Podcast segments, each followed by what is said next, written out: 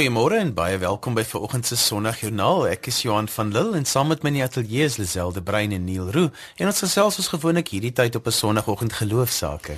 Goeiemôre van my Liselde Brein en is baie lekker om jou terug te hê in die ateljee Johan. Ja, dankie. Ek het 'n heerlike reis gehad na Amerika toe, baie geleer daarso, so ek is weer reg om die nuwe jaar in te gaan. En ons is baie bly jou stem is ook terug. Ons program vanoggend vertel van mense se leefwêreld en die rol wat geloof in die gemeenskappe speel. Ek hoop jou tee staan reg vir die lekker saamkuier. Ons gesels vanoggend met Wynand Breitenberg, Chris Lou, Mia van der Merwe en Pieter Trieter oor hulle geloofservaring wanneer tieners bymekaar kom. Gustaf Gous kom gesels oor RSG se boek Fix vir die Lewe en Isabel Murray vertel van haar werk by die kerkargief en Jan Botha gesels oor die belangrikheid van netwerke.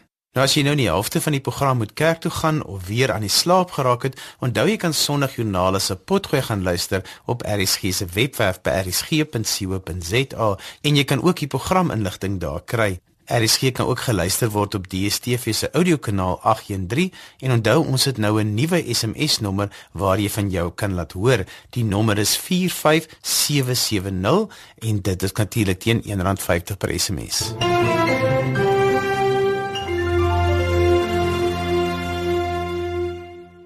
Chris Lou en Mia van der Merwe kuier saam met ons in die ateljee en ons wil by hulle hoor hoe hulle hulle geloof beleef. Ons het vroeër gesê ons praat altyd oor die tieners maar nooit met hulle nie. Nou hier is hulle nou vanoggend by ons in die ateljee. Môre Mia? Môre Tannie. Môre Chris? Môre Lisel. Sê julle was albei by die groot Imagine saamtrekke gewees, seker nou hier in die Wes-Kaap. Hoe het julle dit ervaar? Mia, kom ons begin by jou.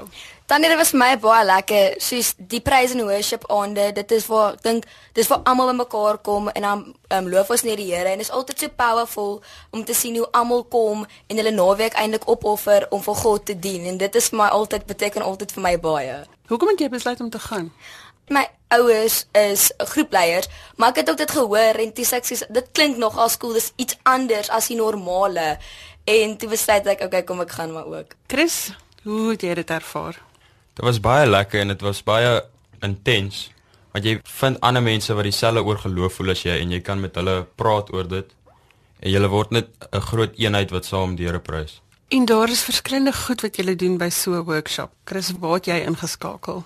Daar's verskillende workshops en programme wat deur mense van die buitekant af aangebied. Dit leer vir jou baie keer hoe om uit te reik. Soos daar was 'n mensehandel en slawerny workshop wat jou vertel van wat regtig in die wêreld aangaan, die realiteit en hoe sleg dit is en dan leer dit vir ons hoe om uit te reik na mense in in slegte plekke, om hulle te help. Mia, watter werkswinkels het jy bygewoon? Die een jaar het ek drama werkswinkel bygewoon en hoe jy kan as jy uitreike gaan, dan kan jy so stories vir hulle vertel as deur soos dramaties soos tonele te doen. En ek was ook by die MIA, dis 'n ding wat hulle vir jou Ek dink van die mense is nie Christene nie, maar dan moet jy hulle half tot bekering kry, maar hulle act baie goed. En hoe jy eintlik moet jou geloof moet so goed wees, jy moenie mense soos slaan met Bybelversies en goed nie. Jy moet dit soos rustig vat en dit het nogals my baie beteken. So jy het 'n bietjie rollespel gedoen. Ja, nie. Kan ek vir julle vra? Is dit maklik om 'n gelowige tiener te wees vandag? Daar's nie meer soveel onderdrukking soos wat daar in sekere lande is nie. Ons mag ons geloof nog uitoefen in skole en dis 'n groot groot voordeel wat ons het en 'n groot blessing. Maar dis al hoe meer mense dryf weg van dit soos sê nie maar ons land se leiers dink ek nie volg die voorbeelde wat hulle moet nie en hulle is die mense wat die res van ons affekteer. En hoe lyk groepsdruk in die skool, Chris? Jou maats groepdruk, verwag hulle van jou om goeders te doen wat jy nie noodwendig wil doen nie. Hoe maklik kan jy oor geloof praat?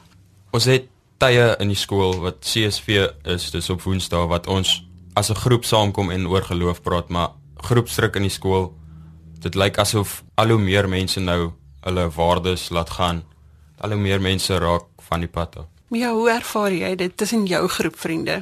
Ek ervaar dit eintlik die meerderheid van die mense of my vriendinne van hulle kom is se verhouding met God verbeter, maar die meerderheid dus gaan ook van die pad af en die waardes wat hulle altyd gehad het, hulle het dit vergeet en is dit soos ek in Max Rot 11, ek gaan maar nou net dan hulle doen nie daai ding wat almal doen, gaan rook en drink en ek weet nie, dis nie vir my lekker om te sien nie. En wat doen julle as jong gelowiges om mekaar te ondersteun? Ons het CSV kringe wat ons almal met mekaar ons gedagtes en gevoelens deel en dan almal in die groep ken mekaar en hulle ondersteun mekaar want dit is baie close groep. En Ja, ons probeer mense ondersteun deur hulle na daai groepies toe te bring. Want baie mense het al verander vandat ons hulle daar ingebring het. Mia? Dan ek voel soos CSV is daar en ons ons ondersteun mekaar daar. Van my vriendinne is nie almal in my skool wat ek het nie en dan sal ek vir hulle so 'n SMS stuur en ons kommunikeer met so met mekaar of wanneer ons mekaar sien dan gaan drink ons 'n koffie en dan doen ons Bybelstudie of ons gaan sit pauses en dan bid ons vir mekaar of in die klas as jy hoor maar daai kind is kry swaar dan gaan gee hom 'n drukkie of iets. En watter rol speel sosiale media in julle geloof uitleef? Chris, jy word op 'n plaas groot. Ja. Tim. Hoe werk jou jou vriendskapskring met jou maats? Ons het nog steeds Wi-Fi en ons het um, WhatsApp, maar soos dan die voorheen gesê het, sosiale media en geloof is baie ver van mekaar af. Hulle het nie meer baie met mekaar te doen nie. Daar is mense wat elke nou en dan vir jou 'n Christelike vers of iets sal stuur, maar dit is nie as 'n een eenheid nie. Nou maar baie dankie dat julle vanoggend ons gekuier het. Gaan julle hierdie jaar weer Imagine toe? Ja, Tannie. Ja, Tannie. Julle het nou al meer as een keer gegaan. Word mens soort van 'n groepleier of is jy nog net deel van die pret? Dan ek dink daar sê jy moet 'n sekere ouderdom wees om 'n groepleier te kan word. So ek dink jy moet matriek wees en ouer om 'n groepleier te word. So ek dink ons is nou net deel soos van die klein groepies, maar dit is nog steeds cool. Julle het net groot pret. Meen, ek het nou nie gevra nie, hoe oud is jy? Ek is 17 tannie. En Chris? Ek is 16. Nou met u baie dankie dat julle ver oggend saam met ons in die ateljee gekuier het. Baie dankie Dankie Tannie.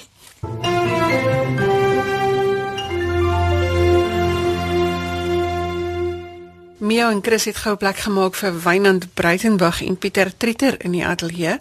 Wynand is predikant en Pieter is 'n rekenaarman wat sorg vir webdesign en hulle is albei betrokke as groepleiers by die Imagine kamp. Goeiemôre Pieter. Haai, goeiemôre. Môre Wynand. Môre, môre.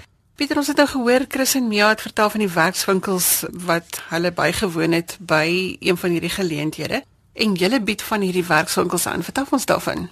Verlede jaar het ek 'n Wynand uh, werkswinkel aangebied. Uh dit was spesifiek die spekboom werkswinkel. So wat ons prakties gedoen het is elke persoon of kind wat gekom het, het maar 'n klein boontjie gevat of afgebreek van 'n plant en self geplant in 'n bakkie met grond, self water gegee. En Nou, hoekom 'n spekboom? spekboom is uh een van daai plante wat soos ons gesê het iets iets slegs vat en dit en dit iets mooi maak. Byvoorbeeld, hulle is een van die plante wat die meeste CO2 vat uit die lug uit en dit omsit in suurstof. So julle kon dit prakties aan die hand van die boontjie vir die kinders verduidelik. Ja, ja, so ons het 'n klein ehm um, soft speech of 'n voorlegging voor die tyd gegee. Ehm um, net om vir die kinders te verduidelik hoe werk dit, wat is die doel van die spekboom en ehm um, ja, dat spekbome basically enige plek omtrent groei. Ehm um, hulle is baie baie aanpasbaar in die in die omgewing en um, om hulle ook uit te nooi om aanpasbaar te wees in in verskillende omgewings waar hulle self bevind ook. Ons het dit spesifiek gekies omdat die plant so so enige plek kan groei en dit is half wat disippelskap ook moet wees. Jy moet dit oral kan uitleef. Uh die spekboompie kan jy afbreek en hy gaan nie hy gaan seer wees, maar jy kan hom weer plant en dan gaan hy weer groei daarso waar hy is. So dit is 'n baie aanpasbare uh, boompie. En dit was die stem daarvan Wynand, kan ek nou vir jou vra, jy het ook 'n nuwe komponent bygevoeg vir jong volwassenes. Hoekom die nuwe hoek? Dit was gewoonlik net vir tieners gewees en dan groepleiers. Nou maar wat ons nou gesê het as jong volwassenes is maar ons soek ook 'n spasie by hierdie. Dit is so lekker om te gaan oor die naweek. Hierdie jaar is dit die 18de tot die 20ste Maart en die 17de Maart, die aand voor die tyd by al drie die die venues reg oor die land.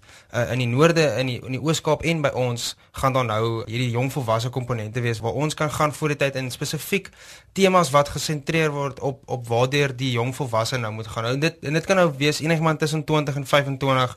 Jy kan maar self kies waar jy jouself bevind. Maar ehm um, ja, soos half die millennial tipe mense en en ons wil regtig waar gewerk het rondom identiteit en wat dit beteken om 'n Christen te wees as 'n jong volwasse. Dit klink regtig vir my of almal baie pret het by een van hierdie geleenthede. Jy werk nou as 'n jeugpredikant in 'n omgewing waar kinders uitgedaag word. Wat is hulle uitdagings vandag? Weet jy, een van die grootste vrae wat ek nog steeds kry elke dag is uh, hoe hoor ek God se stem? Dit is so eenvoudig soos dit. Jy weet ons ons word groot in 'n in stelsels en plekke waar ons nie noodwendig altyd geleer word hoe om hierdie praktiese goed doen nie. Mense sit met die Bybel voor hulle en hulle weet nie hoe om dit te lees nie. Hulle weet nie dat daar konteks is nie. Hulle weet nie dat daar dat daar tog teologie is agter daai mense wat geskryf het nie. En so hulle sit met dieselfde vrae wat ons nog oor die eeue heen sit en dit is Hoe verstaan ek die Bybel? Hoe verstaan ek God se hart? Praat hy met my in 'n stem? Praat hy met my deur die natuur?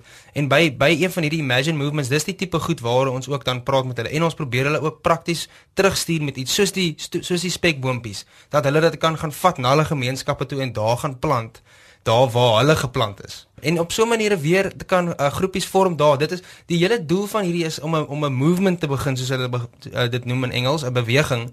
En dat dit nie net hierdie een keer 'n jaar ding is nie. En op so 'n manier moet ons die die inspraak maak op mense se lewens op op plaaslike vlak.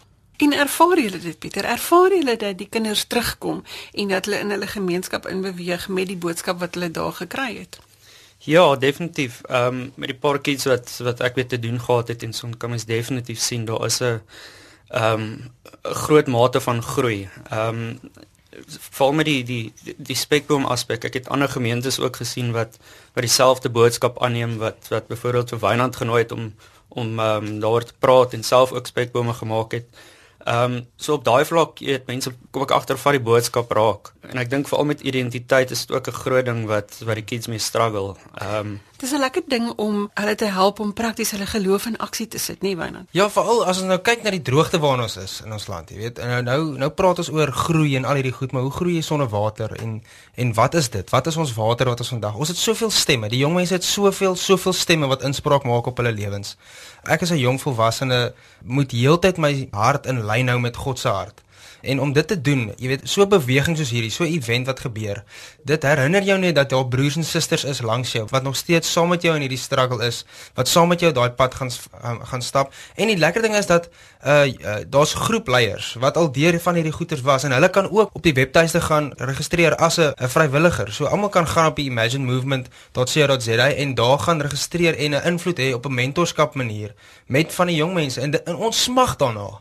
Ons smag na leierskap. Ons smag na iemand wat vir ons weet die wat weet vir ons gaan rigting aandui. En as ek nou Mia se taal kan gebruik, dit is cool om te kan wys dat jy in iets glo. Hmm. Absoluut, want ons die stemme wat vir ons het, die verbruikerskultuur wat 'n wat altyd 'n stem is in ons. Dit uh, gee vir ons 'n vals identiteit of 'n kunsmatige identiteit en dit hou nie vir lank nie. Dis nie volhoubaar soos die liefde van God nie.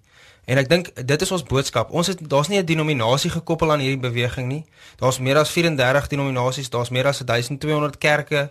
Uh dis 380 dorpe wat oral bymekaar by kom en en mense uitstuur om in Bredasdorp nou in die suide en en in die ooste en in die noorde uh bymekaar te kom in Jeffreys um, en dit het hierdie jaar geskuif na Botawil toe. So dit is regtig landwyd. Ek dink daar was uh, vroeër in die 70 so laas so groot jeugbeweging. En die vrugte wat ons daarvan gaan pluk gaan ons eers oor 'n paar jaar sien. So julle is nie besig om NG of VGK soldaatjies te kweek nie. Dit gaan hier uit en uit oor geloof. Ja. Absoluut. En dit gaan oor die koninkryk van God en hoe gaan ons prakties 'n beweging begin in Suid-Afrika waar jong mense hulle verantwoordelikheid opneem as jong Christene in Suid-Afrika. Gou vir ons die detail wanneer en waar. Ja, yes, so dit is baie baie eenvoudig die 18de tot die 20ste Maart. Dis 'n aand tot aand uh, ding. So dit is oor 'n lang naweek. Jy sal sien daar's oor genoeg tyd om in te beweeg.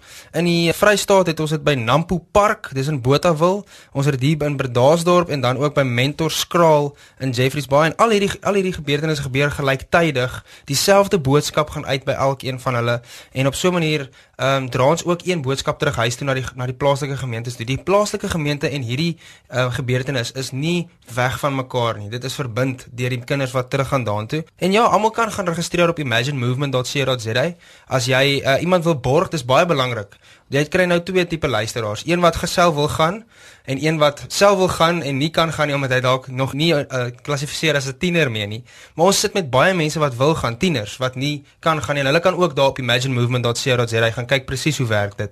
Op en en as jy 'n kaartjies wil koop vir iemand, itickets.co.za is baie baie eenvoudig en so op so 'n manier kan ons regtig stukkie vir stukkie weer hoop kweek en en ontkiem onder ons land se mense.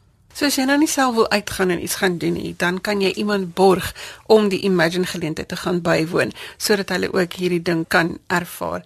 Baie dankie vir julle kuier in die ateljee Pieter en Wynand. Dankie. Ja, baie dankie. Ons het gesels met Wynand Breitenberg, Chris Lou, Mia van der Merwe en Pieter Trieter oor die Imagine saamtrekke.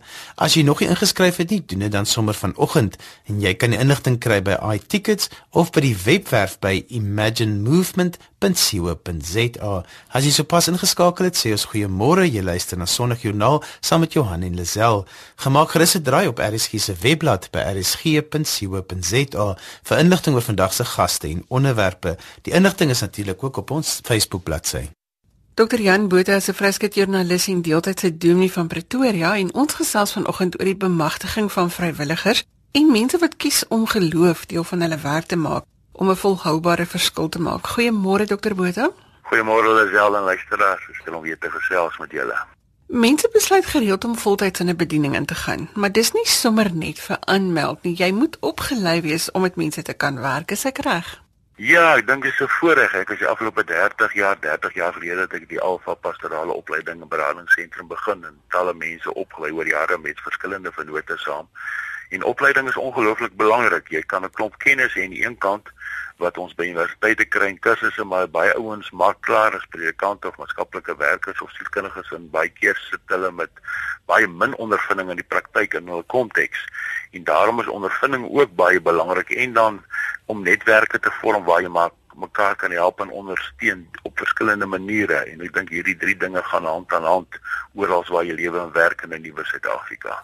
So hoekom is dit so belangrik dat mens moet opleiding kry om hierdie ding te kan onderhou? Ek dink is nogal 'n emosionele werk wat 'n ou gaan doen as jy so met ondersteuning bied, maar daar's 'n paar ander goeders wat 'n mens ook moet in gedagte hou. Ja, ek dink as predikant in 'n gemeente, ek is Moedvallei in Pretoria en ek dink die krisis in 'n predikant se lewe en baie mense, maatskaplike werkers, sielkundiges en mense wat in die veld werk, jy sukkel om vrywilligers te kry. Jy sukkel om mense regtig bemagtig te kry. Ons het nie altyd die gereedskap nie. Hierdie toolbox of gereedskapkas is baie keer baie leeg. Oor die jare het ons so 'n gereedskapkas saamgestel wat in die praktyk werk akademies en deur uh, sekere universiteite geakkrediteer word en ek dink dis die wonderlike dat jy mense kan toerus en dit gaan oor volhoubaarheid. Mense begin met 'n groot gejuig aan die nuwe jaar gewoonlik, wat kan ek doen? En hier na die tweede, derde maand as dit begin vinnig gaan in die nuwe jaar en jy raak moeg dan dan sak mense uit. En ek dink dis die groot ding, ons wil mense, vrywilligers, maar professionele mense ook bemagtig, maar dit volhoubaar doen dat hierdie ouens nie uit asem gehardloop raak binne die eerste paar maande nie. En dan ek dink die derde ding wat belangrik is, dit gaan oor werkskepping. Hierdie persoon dan hy gaan nie weg en nou kan ek my eie ding doen. Ek kan met netwerke begin. Ek kan 'n NPO, 'n nuwe winsgewende organisasie begin. Ek kan by my kerk 'n verskil maak saam met die maatskaplike werkers of as maatskaplike werker by 'n skool.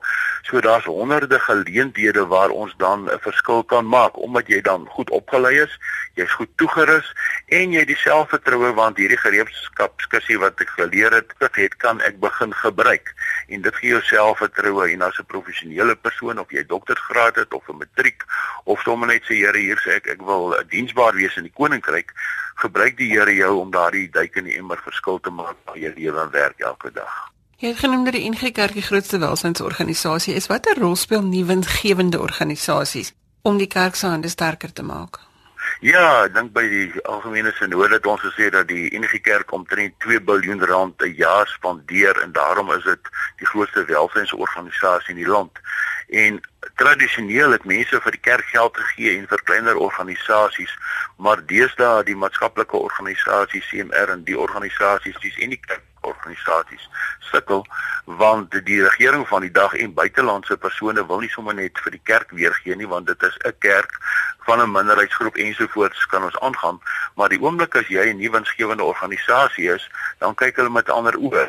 As jy 'n besigheidsplan indien en hulle kan sien hoe maak jy op grondvlakke verskil in jou breë konteks waar jy woon, in die konteks langs jou by jou plakkerskamp met 'n groentetuin en op verskillende maniere waar jy mense oplei en toerus volhoubaar veral, dan is daar geld beskikbaar. En ek dink ook 'n ander groot voordeel is die moontlikheid vir netwerkontwikkeling is net soveel groter eh, plaaslik in jou eie konteks maar ook nasionaal en selfs internasionaal. Ek wil net vir jou vra 'n netwerk is 'n baie belangrike ding maar mens moet ook opgelei wees om te weet hoe om dit suksesvol te doen en te onderhou. Het jy vir ons 'n paar praktiese wenke vir mense wat nou in die bediening staan of wat nou ingaan uh, om 'n nuwe bediening te skep? Wat moet hulle in gedagte hou? Ja, ek dink ons uitgangspunt is uh, regtig die sturende God, die missie ou dui God wat mense uitstuur om uit te gaan, verantwoordelikheid te aanvaar, opgelei te word en dit in die praktyk te gaan uitleef as dit begin dan 'n deel van die kursus is ook om mense toe te rus om by ander mense uit te kom. So vorm jy netwerke. En in jou eie gemeenskap, ons sê altyd jy moet wandel in die woord, jy gaan hoor wat God sê deur sy woord. En as jy daarin wandel, dan raak jy rustig, dan gaan wandel jy ook in jou konteks, wandel in die wêreld. Dan kom jy agter die drankwinkel net hier om die draai. Het 'n probleem met jong kinders wat kom drank koop daar en die persoon verkoop drank en wat dis onwettig, maar as jy in 'n verhouding begin staan, netwerk dan kan jy sulke tendense raak sien. Of die apteek om die draai verkoop baie kalmeerpille en spesifiek uh tipe slaappille en dan aan die ander kant pynstillers aan mense wat ouer is. En hierdie oom en tannie ry van apteek tot apteek elke week en so koop hulle by elke apteek 'n klomp pynpille en hulle raak verslaaf daaraan. As jy dit nie weet nie, as jy nie netwerke het op die grondvlak nie, of met die polisie of GPS saamwerk nie, dan kom jy nie agter wat die tendense hier rondom jou kerk of in jou gemeenskap is nie en in 'n nuwe Suid-Afrika is nie. En as jy begin agterkom daar sekere tendense, nou vat jy hande want jy het opgeleide mense en die ander mense respekteer jou want jy's 'n goed opgeleide persoon, jy kan hierdie uh, gereedskapkas gebruik en nou kan jy saam met ander interdissiplinêr, sielkundiges, maatskaplike werkers, brandweermanne, die hospitale, die polisie, die skole verskil maak. En nou raak jy 'n stem wat gehoor word want dit is nie meer net 'n kerkie se stem of 'n gemeente of my stemmetjie nie. Dit raak nou 'n klomp mense wat betrokke raak by 'n belangrike saak soos armoede of kinderverwaarlosing of onreg teenoor vroue, mense wat uitgebuit word. En nou raak jy iemand wat die staat na luister, maar ook die breër gemeenskap en so kan ons same verskil maak. Kom ons praat 'n bietjie oor 'n tweede loopbaan. Ouer mense wat aan die aftree is, sit met 'n geweldige klomp kennis, lewenskennis. Hoe kan 'n mens hulle inkorporeer? Ja, alle wêreld. Ek raak so opgewonde as jy dit noem man. Hier sit duisende, ek wil amper sê miljoene mense wat aftree, wat werk verloor met soveel wysheid, ondervinding en mentorskapvaardighede. As ons hierdie mense kan terugploeg in ons gemeentes, in ons gemeenskap, by skole, by uh, uh aftreeoorde en waar ook al, deur hulle toe te rus, dan maak jy 'n groot verskil want waar kan jy beter mense kry wat jare se ondervinding het, wat regtig al hierdie wysheid het van die grysheid en hulle self uitgesorteer het en in die eerste plek ook nie noodwendig altyd vir geld hoef te werk nie. Hulle werk as vrywilligers. Dink nou net as ons 'n paar duisend van hulle kan bemagtig en terugstuur in 'n gemeenskap op verskillende vlakke, dan het jy mense wat regtig mense kan bedien. En ek dink baie keer ook selfs die domies, ek is baie uitgesproke daaroor. Ek dink nie daar gaan in volgende klompie jare nog voltydse domies mee opgelei word nie. Die gemeentes het nie meer geld daarvoor nie. Ek is al die jare tentmaker, deeltydse domie en ek kon 'n klomp ander goed van die grond af kry juis omdat ek die pot aan die kook moet hou, kreatief dink en werk, maar ek dink dis die uitdaging vir die kerk en selfs maatskaplike werkers, sielkundiges, baie van die beroepe gaan jy nie meer alles vol kan doen nie. Jy gaan 2, 3 verskillende balle in die lug moet hou. Uh al, ek wil sê kreatief wees, maar ook sekere vaardighede aanleer en dit op ander plekke saam met ander mense begin uitleef en in vennootskappe tree. Jan baie dankie vir die saamgesels vanoggend dat ons 'n bietjie kon saam dink oor netwerke, oor wanneer jy in 'n bediening staan, oor hoe jy jou hande moet sterk maak. Dankie vir die saamgesels. Ja, hulle kan miskien by ons webwerf gaan kyk, dis alfa a l f a alfa pastorale praktyk.com of zama zama hope for you .com dit is goed wat al reeds in die gang is vir afgelope 30 jaar die praktyk en opleiding en van daar af kan hulle dan kontak maak. Baie dankie Lisel. En so gesels Jan Botha.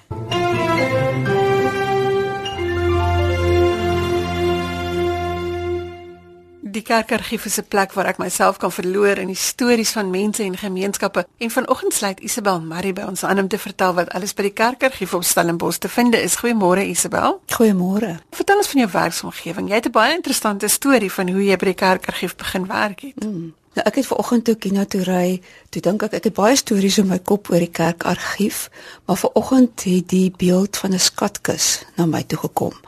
En ek het regtig gedink dat 'n skatkis is iets wat leeg is, behalwe as iemand iets in hom sit wat baie kosbaar was vir hulle, want gewoonlik is dit waar mense ietsie wil bære en en seker maak dit word bewaar maar dan kan dit nou daar lê en lê en lê vir eeue en as iemand dit nie weer oopmaak en uithaal dan beteken dit niks.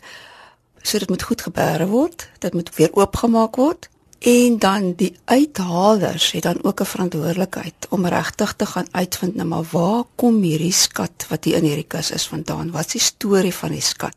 Want daar's baie verskillende soorte skatte en dit is waar aan die kerkargief my laat dink. Maar dan dit ek nou al in die klein tydjie wat ek daar werk, besef en die heel belangrikste skat is dat dit eintlik iets van God se hart vir ons vertel. Deur eeue heen is daar mense wat 'n pad saam met God geloop het en wat hom gehoor het en vir hom geluister het, wat baie swaar gekry het baie keer, wat verkeerde besluite geneem het, wat baie keer dwaas dinge aangevang het. En dan is dit vir my asof die miskien is dit die kussie waarin alles bewaar word, is dalk hierdie omvangryke liefde van God en sy genade. So dis vir my die kerkargief. As mense nou wil ietsie hê uit die kerkargief uit, moet jy dit vir hulle gaan haal of kan hulle self daar tussen die rakke gaan rondstap? Ongelukkig mag hulle nie rondstap nie. Dis waarvoor daar personeel is. Ek het ook nogal vanoggend gedink mens begin altyd so by die een kant en te besef ek maar weet jy as jy goed mooi wil bewaar dan is dit juist die teenoorgestelde van die beeld wat mense het van goed wat op hoop en stof lê. Die kerkargief is baie skoon.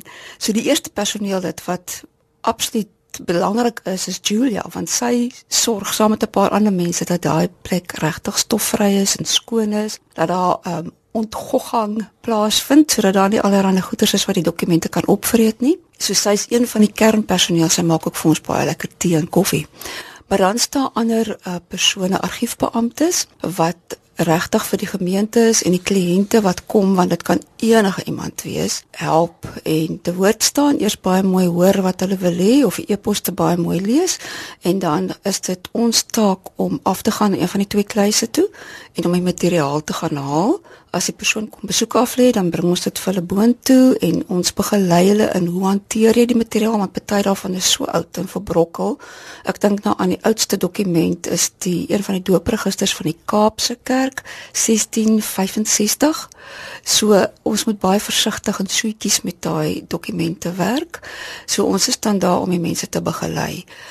So hulle kry toegang bo op die tweede vlak van die gebou in 'n mooi goed ingerigte uh, noem dit maar lees navorsingslokaal en dis dan waar die navorsers kan sit en werk. Ek weet van iemand wat nou besig is om na te gaan oor al die swart evangeliste wat oor die tyd gewerk het professor Jonas maar ja. jy het nou self gekyk na al die vroue in die sending. So al daardie inligting is daar opgeteken. Vertel ons daarvan.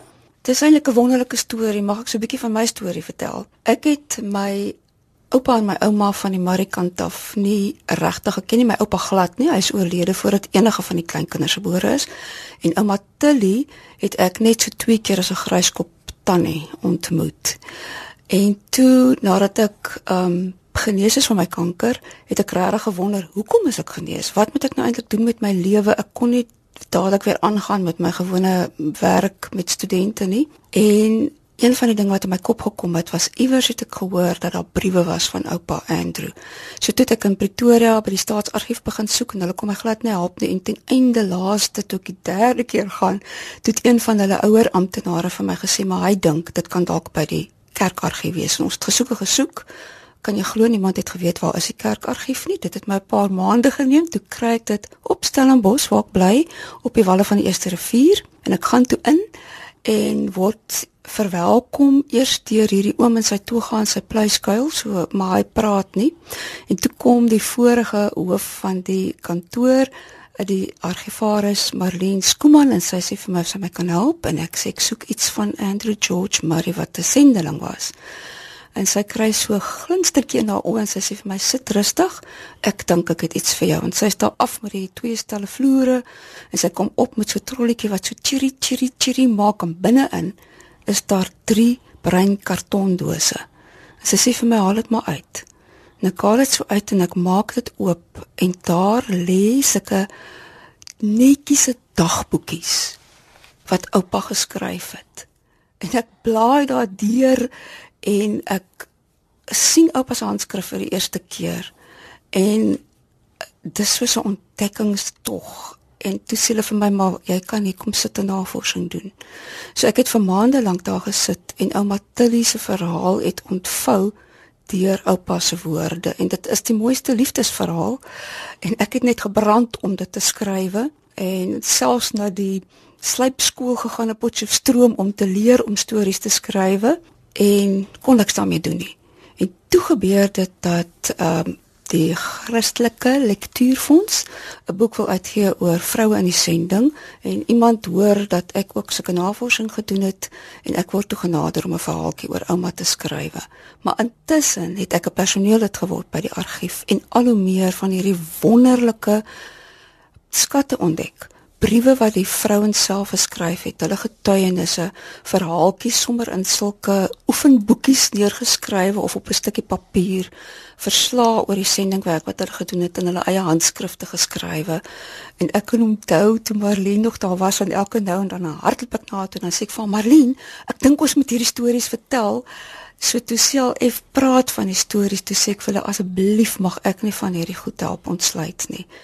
En daar is ses ander skrywers wat geskryf het. Elkeen het 'n vrou gekies, die verhaal vertel soos wat hulle dit gekry het uit die vrouens se eie getuienis uit. En dan het ek die voorreg gehad om te help fotos vind en om te kyk of ons iets van die vrouens vind wat in die argief is wat hulle self geskryf het. En ek het op verskeie sulke baie besonderse stukkies afgekom wat ook in hierdie boek opgeneem is ja Liesel, dit klink vir my nou 'n baie interessante pad. Ek dink ons moet nog 'n paar stories doen oor die kerkargief. Ek sal graag wil gaan sien wat daar is en sodat ons nog van hierdie stories kan ontgin. Baie dankie dat jy vanoggend 'n bietjie van julle storie met ons gedeel het, 'n bietjie van julle lewe wêreld. Dankie vir die saamgesels. Baie dankie. En so gesels Isabel Murray. Ons gesels geloofsaake tot so kort voor die 8uur nuus wanneer ons oorgie aan Jermaine Hansen vir die Bybelstorie. Maar eers gesels ons met Gustaf Gous vir hierdie week se inspirasie. Van die gesprekke op die gewilde RSG lewensmotiveringsprogram Fix vir die Lewe is nou beskikbaar in boekformaat. In Fix vir die Lewe wat sonderdaande 7uur op RSG uitgesaai word, gesels die aanbieder verloots en motiveringsspreker Dr. Gustaf Gous oor riglyne oor hoe om elke dag se omstandighede te hanteer. Die boek bevat 40 onderwerpe wat jou vanuit 'n geestelike oogpunt kan help om meer te leer omtrent jouself, jou werk en die politiek van die temas wat hanteer word is finansies, gesonde gewoontes en die hantering van teleurstellings. Nou Dr. Gustaf Gous sluit vanoggend by ons aan om oor die boek te gesels en om ons 'n bietjie te inspireer vir die week wat voorlê. Goeiemôre Dr. Gous. Hallo Lisel, dit is baie lekker om saam te gesels en veral om vir mense te help om nog meer fiks te word vir die lewe. Op fiks vir die lewe kom 'n mens vinnig agter dat mense behoeftes het aan iemand om vir hulle fokus te gee oor dinge in die lewe. Ek dink dit is baie normaal en baie basies dat 'n mens deel deel van mens is is dat jy fokus nodig het. Dit is baie interessant. 'n Dier het nie so baie fokus nodig nie. 'n Dier se lewe is eintlik uitbepaal of uitbeplan deur spesifieke instink. Maar 'n mens het 'n oop vel papier. Jy het 'n oop boek wat voor jou lê. Jy moet jou lewensverhaal skryf. En dan moet jy nou besluit waarop gaan ek fokus. Dis vir my die baie interessante ding dat as jy dan moet fokus in die lewe hê en dan moet fiks word om by daai doel of by daai fokus uit te kom, ehm um, dat mense hierdie lewensproses nie verstaan nie. En en en ek dink die lewensproses is baie interessant dat hier kry jy die geskenk van die lewe. Dis wel wie van ons het gevra om gebore te word. Ek bedoel niemand van ons het gevra om gebore te word nie. Toe jy weer jou oë oopmaak, is jy op aarde en jy vra waar op dese aarde is ek en dis presies waar jy is op aarde en nou moet jy rigting kry. En dan aan die einde van die lewe gaan iemand vir jou vra, maar um, luister, jy het nou die geskenk van die lewe gehad. Ehm um, wat het jy daarmee gemaak? Het jy 'n sukses of 'n gemors gemaak? Het jy ehm um, het jy iets van die lewe gemaak? Het jy iets uit die lewe uitgehaal? So en ek dink dit is die baie interessante ding van die lewe dat jy dan dan moet ehm um, nommer 1 'n prentjie kry vir wat jy van jou lewe wil maak. Ehm, 'n um, prentjie van jouself en ehm um, dit is baie interessant dat jy dit dan moet regkry en dan daaruit moet jy dan vir jou stappe kry om by daai prentjie uit te kom en dan baie keer langs die pad verloor ons motivering en of jy's nie fiks genoeg daarvoor nie en om fiks genoeg te wees, sterk genoeg te wees om die eise van die lewe te hanteer, daarvoor het 'n mens ook hulp nodig en gelukkig is daar hulp. Gelukkig um, kan 'n mens die wêreldbeker wen met die behulp van lewensafrigters. En ek dink dit is wat die boek Fiks vir Lewe probeer doen. Hy gee vir jou hierdie unieke 40 unieke goeders wat jy moet hanteer in die lewe en dat jy op grond daarvan dan jouself kan gereed maak, fiks jou lyf reg kry om al hierdie goeders te te hanteer. Gustaf, die week lê nou voor ons uitgestrek. As dan nou vir oggend iemand is wat 'n bietjie fiksheid vir die week nodig het, wat die kom ons sê die 5 dinge wat jy vir hulle sal voorskryf? Weet jy, daar is 'n um, paar reekse van 5 wat ek wat ek sal doen is. Ek wil eintlik vir mense net sê is jy moet jou lewe dekompliseer. Dis die eerste ding. Jy moet hom minder ingewikkeld maak. Ons raak so verstrengel. Um, ek het pas 'n coaching sessie gedoen wat iemand sê het maar my lewe is ingewikkeld. Toe sê ek nee, dit is nie so ingewikkeld nie. Daar is net X aantal hoeveelhede goed wat jy moet doen en daar is ook net soveel goeders wat jy dan in plek moet kry. Die goeders wat jy moet doen is as jy as jy die week wil wil wegspring dan moet jy jou wegspringblokke regkry. Ou professor Javier Rousseau wat die visierektor was van Stellenbosch Universiteit het op 'n stadium gesê, ehm um, jy moet die grond van jou bestaan regkry, jy moet die rigting van jou bestaan regkry en dan moet jy ehm um, spesifiek jou lewenstaak en jou roeping uitleef. En in die grond van jou bestaan is wat is my waardes? Wat is my wegspringplek? Wat is die basis? Die rigting van jou bestaan is is eintlik hoop. So dis eintlik maar geloof, hoop en liefde. Jou jou grond is is geloof, jou rigting is hoop, maar die, jou lewenstaak is gaan jy um, jou lewenstaak liefde maak wat jy in jou werk een of ander ding doen wat jy 'n verskil maak en nie ander mense se geld steel of um, of ander mense net seermaak in die proses nie. So die algemene filosofiese onderbou moet jy regkry. Maar dan moet jy ook jou eie lewensfase verstaan. Waarin is ek? As ek 'n student is, moet ek nou swat. As ek 'n eh, as as ek iemand is as ek in 'n spesifieke lewensfase is. Ek wil ek het kliënte van van skooliere tot mense in hulle 70 80s. Ehm um, en en dit is vir my baie lekker om te sit in elke lewensfase het jy 'n lewenstaak en en en jy moet jy moet dan jou oorkoepelende taak reg kry. 'n jong persoon, 'n jong mens moet sê wie is ek? Wat moet ek doen? Saam met wie moet ek dit doen? Ehm um, wie moet ek glo? Ehm um, so elkeen moet sy sy sy basiese kom ons so met met nou maar filosofie van sy lewe reg kry.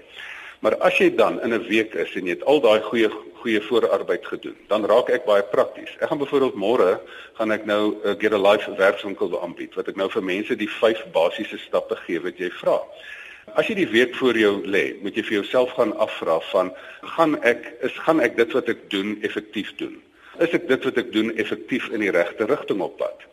Gaan ek dit gebalanseer doen? Gaan ek so hard hier werk hierdie week dat ek my gesondheid afskeep of my familie afskeep? Nee dan gaan ek hierdie week is ek besig met my lewensdoel of is ek besig om te karring op 'n plek? Is ek 'n is ek 'n eend wat in die atletiekspan probeer hardloop en my webvoete bloei?